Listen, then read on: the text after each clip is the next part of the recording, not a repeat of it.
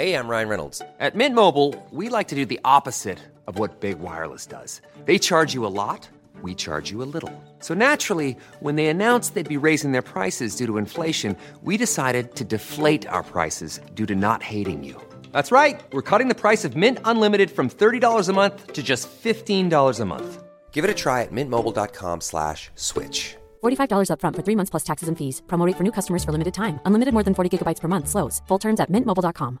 If you thought the only way to get a more defined jawline with natural looking results was through surgery, think again. Juvederm Volux XC is a non surgical injectable gel filler that improves moderate to severe loss of jawline definition and can help you achieve natural looking results with little downtime. Even better, this improved definition lasts up to one year with optimal treatment. No maintenance required. Improve jawline definition for a smooth, sculpted look with Juvederm Volux XC. For important safety information and to find a licensed specialist, visit juvederm.com. That's J U V E D E R M.com. Not for people with severe allergic reactions, allergies to lidocaine, or the proteins used in Juvederm. Common side effects include injection site redness, swelling, pain, tenderness, firmness, lumps, bumps, bruising, discoloration, or itching. There's a risk of unintentional injection into a blood vessel, which can cause vision abnormalities, blindness, stroke, temporary scabs, or scarring. Talk to a licensed specialist to find out if it's right for you.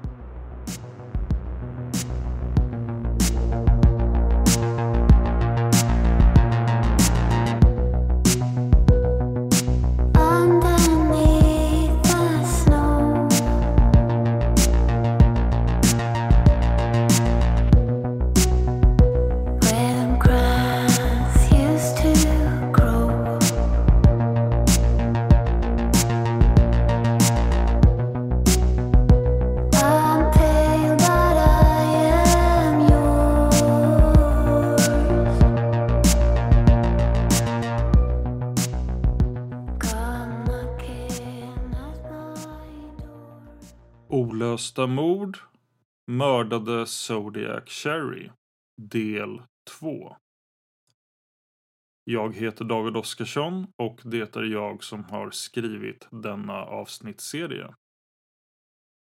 Olösta mord är en podd som bara ställer frågor och aldrig ger några svar. Vad tror du själv? Kontakta oss gärna med dina teorier om fallen som vi tar upp och kontaktinformationen finns i avsnittstexten i din poddapp och i slutet av avsnittet. Om du som lyssnar på Olösta mord skulle vilja vara med och sponsra podden får du hemskt gärna göra det på Patreon. Du går då helt enkelt till patreon.com, det är patreon.com och där söker du på Olösta mord. Det rör sig om en liten summa per avsnitt men det gör en jättestor skillnad för oss. Vi släpper nya avsnitt regelbundet varje vecka. Men om vi av någon anledning inte skulle göra det dras inte heller några pengar.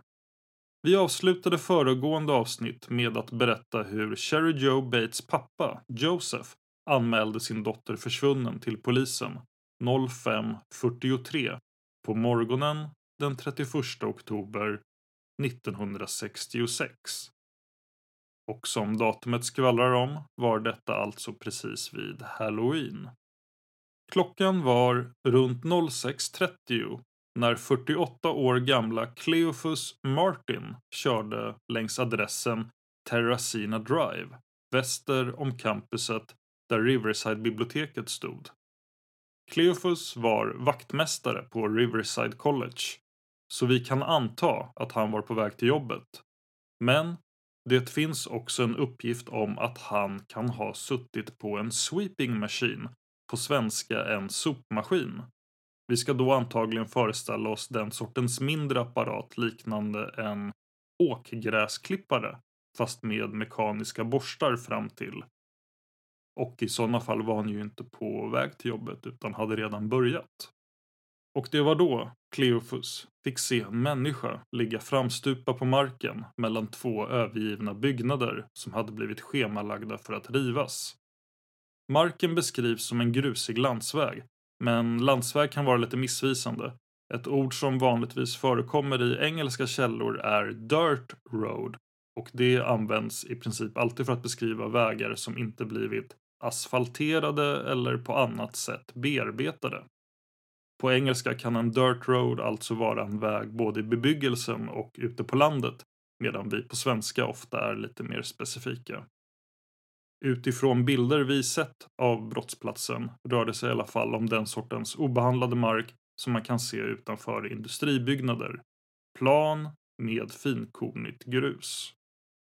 Vi har inga uppgifter om hur mycket Kleofus iakttog eller förstod av brottsplatsen innan han kontaktade polisen.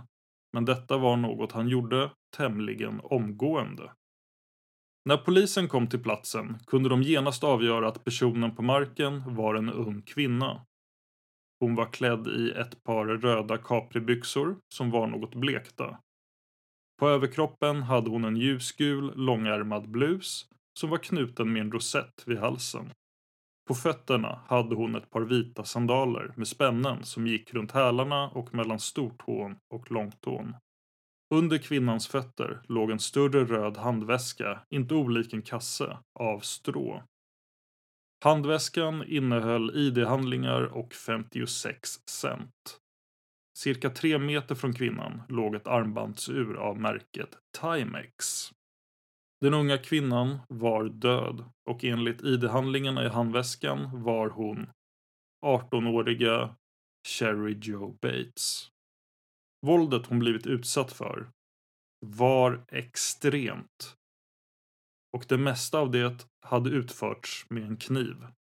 Privatspanaren Jan Kassar, en person som alla som lyssnade på seriemördarpoddens tidiga avsnitt om Erons känner till, har en mycket visuell beskrivning av Sherry Joe Bates när hon hittades mördad och vi ska här återge den i svensk översättning. Det var en makaber syn. Hon låg med ansiktet nedåt i gruset och de torkade löven.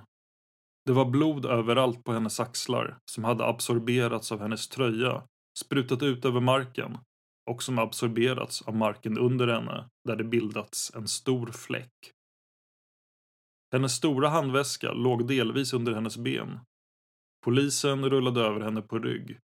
Hon hade blivit knivhuggen upprepade gånger. Så vitt de kunde se allt blod hade hon blivit huggen i halsen minst sju gånger. Hennes överläpp hade blivit skuren. Hennes vänstra kind var rispad. Små rispor syntes på hennes armar och bröst och det fanns även skärsår på baksidan av hennes vänstra hand. Hennes mörkblonda hår stod åt alla håll och löv hade fastnat i det. För att uttrycka det milt. Hon hade haft ett ordentligt slagsmål. Slutcitat. Att Cherry gjort kraftigt motstånd var något som rättsteknikerna kunde fastslå tämligen omedelbart. Hon hade bortriven hud under sina naglar och bruna hårstrån i sina händer. Bingo, kan man tänka, men vi påminner om att det här var 1966 och att DNA-tekniken fortfarande låg i sin linda. Det skulle dock visa sig att armbandsuret av märket Timex, som låg tre meter från Sherry, var ytterligare ett bevis på att hon stridit mot sin baneman. Sherry hade inte varit särskilt lång med sina 160 centimeter. Däremot var hon som atlet mycket stark. Klockan hade inte tillhört Sherry, varför den genast misstänktes vara en av mördarens ägodelar. Själva bandet till klockan hade slitits loss från ett av sina fästen i uret och det verkade som att detta var något som skett under Sherrys kamp med mördaren.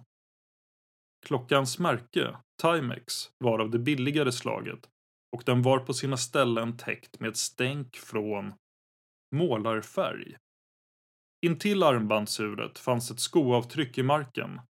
Detta kom från en sko som endast såldes i butiker specialiserade på militärmateriel. Till exempel butiken March AFB som av en händelse låg alldeles i närheten av brottsplatsen. Skon var av storleken 8 till 10. Detta skulle motsvara de europeiska storlekarna 41 till 44. Vi pratar alltså om någon med varken särskilt stora eller små fötter. Medel. Men vi tillägger att det förstås kan skilja sig på en siffra hit och dit när man studerar olika tabeller över skostorlekar. Det verkar inte existera en definitiv konsensus för hur storlekarna ska översättas från ett lands system till ett annat. Och som många av er lyssnare vet kan det som en skostorlek skall signalera skilja sig åt mellan olika skomärken. Vi ska återge vad Robert Graysmiths bok Zodiac säger om resultaten från rättsmedicin. Så nu är det ett citat Robert Graysmith. Den medicinska rapporten menade att Cherry Joe hade blivit sparkad i huvudet. En kort kniv hade tryckts in i hennes bröstkorg två gånger.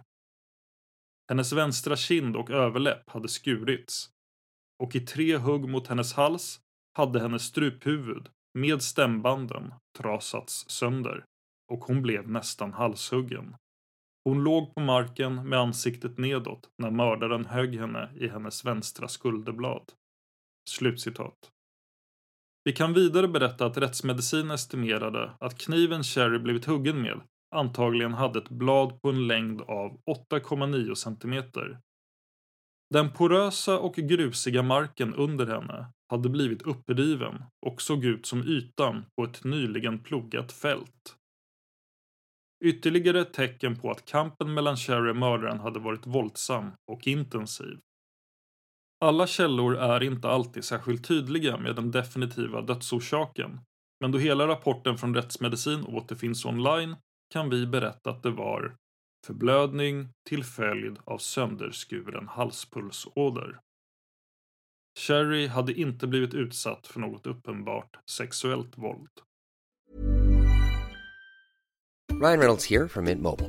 With the price of just about everything going up during inflation, we thought we'd bring our prices down. So to help us, we brought in a reverse auctioneer, which is apparently a thing. Mint Mobile unlimited premium wireless. Ready to get 30, 30, bit to get 30, bit to get 20, 20, 20, bit to get 20, 20, bit to get 15, 15, 15, 15 just 15 bucks a month. So, Give it a try at mintmobile.com slash switch. $45 upfront for three months plus taxes and fees. Promo rate for new customers for limited time. Unlimited more than 40 gigabytes per month. Slows. Full terms at mintmobile.com. If you thought the only way to get a more defined jawline with natural looking results was through surgery, think again. Juvederm Volux XC is a non surgical injectable gel filler that improves moderate to severe loss of jawline definition and can help you achieve natural looking results with little downtime. Even better, this improved definition lasts up to one year with optimal treatment. No maintenance required. Improve jawline definition for a smooth, sculpted look with Juvederm Volux XC. For important safety information and to find a licensed specialist, visit juvederm.com. That's J U V E D E R M.com. Not for people with severe allergic reactions, allergies to lidocaine, or the proteins used in Juvederm. Common side effects include injection site redness, swelling, pain, tenderness, firmness, lumps, bumps, bruising, discoloration, or itching. There's a risk of unintentional injection into a blood vessel, which can cause vision abnormalities, blindness, stroke, temporary scabs, or scarring. Talk to a licensed specialist to find out if it's right for you. Källorna går isär om det exakta avståndet, men vi utgår nu från det estimatet vi själva kommit fram till. Cirka 70 meter från Sherrys kropp återfanns hennes bil. Den limegröna folkvagnsbubblan.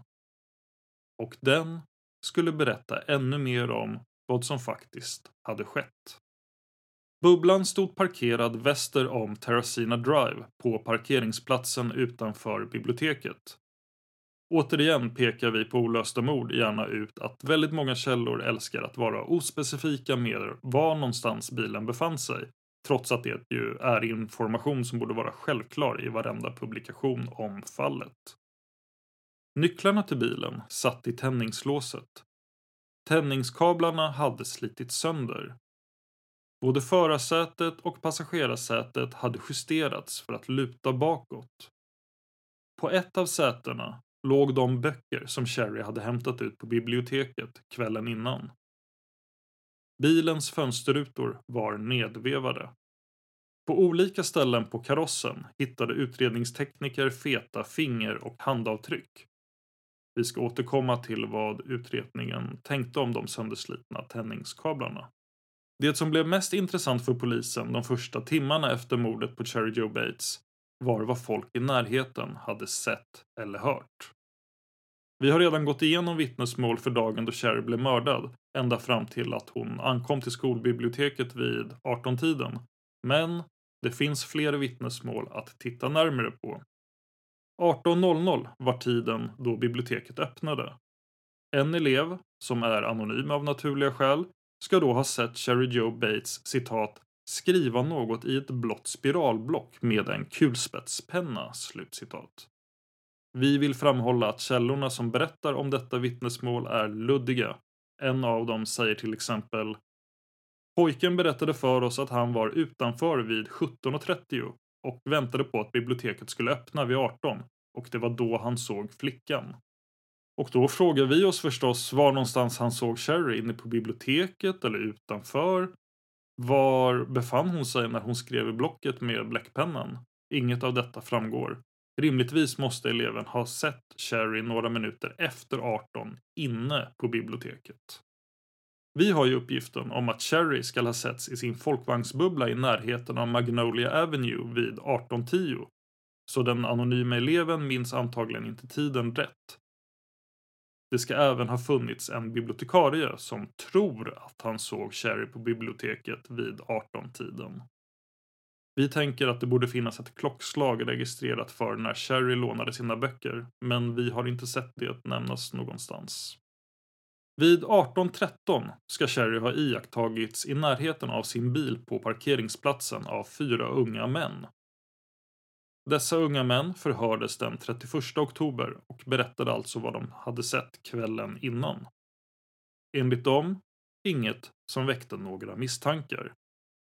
Tillfället de iakttar Sherry är rimligtvis precis när hon har parkerat utanför biblioteket för att gå in i det. Som vi förstår det är dessa fyra killar bara några som råkade vara i närheten. De ska ha suttit på ett staket. Och där satt de ända fram till 1915 utan att se något annat suspekt. Det befann sig andra elever inne i biblioteket mellan 18.30 och 18.40. Elever som kände Sherry. Men de såg henne inte där. Vad detta skulle kunna peka på är att Sherry lämnat sin bil vid 18.15-tiden, gått in på biblioteket och sen blivit klar med sina ärenden där och lämnat stället innan 18.30. En man vid namn Walter Siebert har berättat för polisen att han befann sig tillsammans med ett par vänner inne i biblioteket mellan 19.15 och 21.00 utan att se Sherry. Däremot såg Walter och hans vänner de fyra killarna som satt på staketet utanför vid parkeringsplatsen. I vår källa nämns det att dessa killar var klädda i arbetskläder. Så kanske var de byggarbetare av något slag som tog en paus. 19.15 låter ju dock som efter arbetstid, men de kan ju ha haft ett sent pass. Något som Walters och hans vänners iakttagelser innebär är dock att de fyra männen befann sig på platsen vilket gör deras vittnesmål trovärdigt. Och med det vet vi alltså att inget hände i närheten av Sherrys bil från cirka 18.15 till 19.15.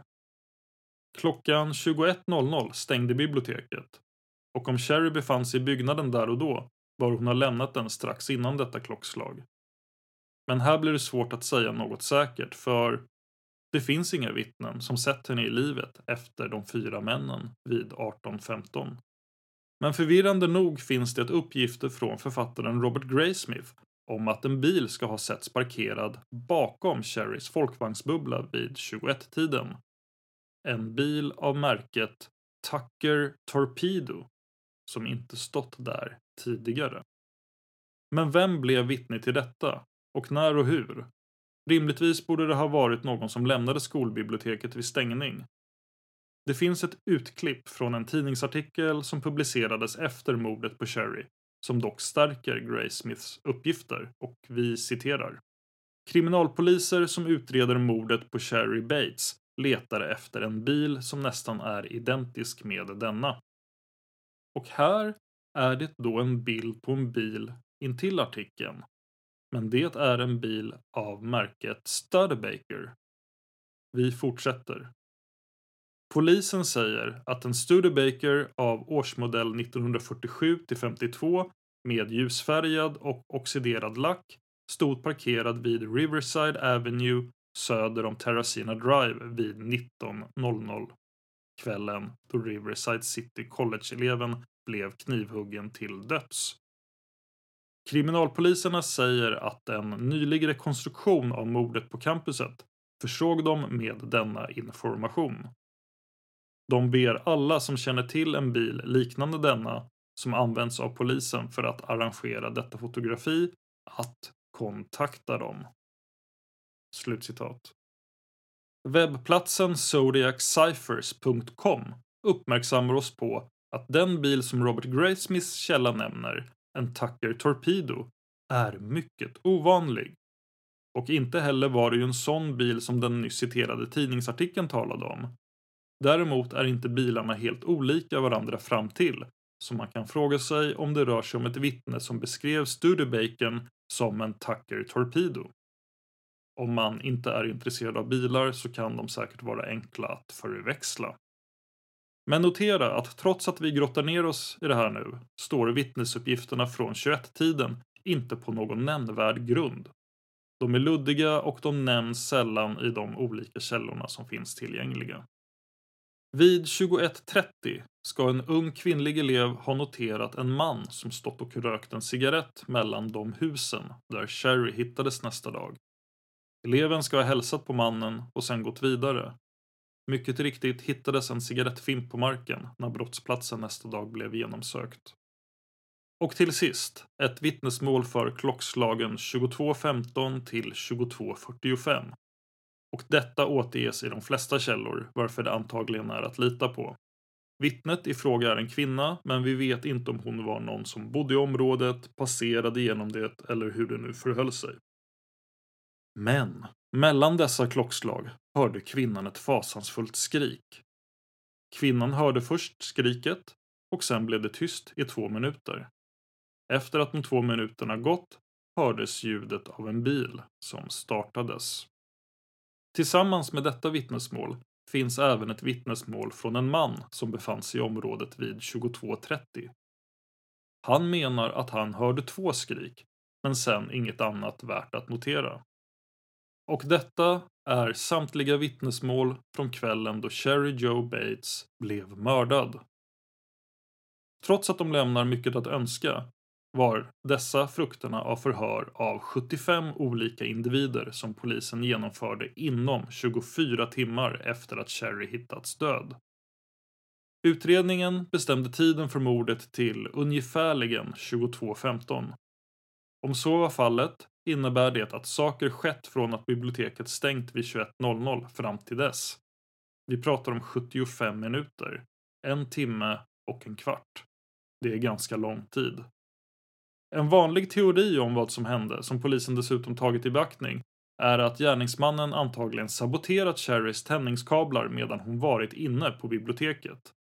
När hon sen gått ut vid stängning för att köra hemåt och upptäckt att bilen inte startat, då har gärningsmannen kommit fram ur skuggorna och erbjudit sin hjälp. Men vi upprepar, om Sherry skulle ha blivit mördad 22.15 så är det en timme och en kvart efter att hon lämnat biblioteket. Man kan spekulera i om hon uträttade andra ärenden efter stängningstiden och återvände till sin bil på parkeringen först vid 22-tiden. Men det är som sagt spekulationer. Utredningen hittade ingenting i sitt arbete som pekade på att Cherry hade fiender eller ens ovänner. Hon hade inte blivit rånad. Hon hade inte blivit utsatt för sexuellt våld det tycktes helt enkelt inte finnas något motiv. Den 4 november 1966 begravdes Cherry, endast 18 år gammal, på Crestlawn Memorial Park i Riverside. Människorna som närvarade var ett hundratal och poliser fanns på platsen.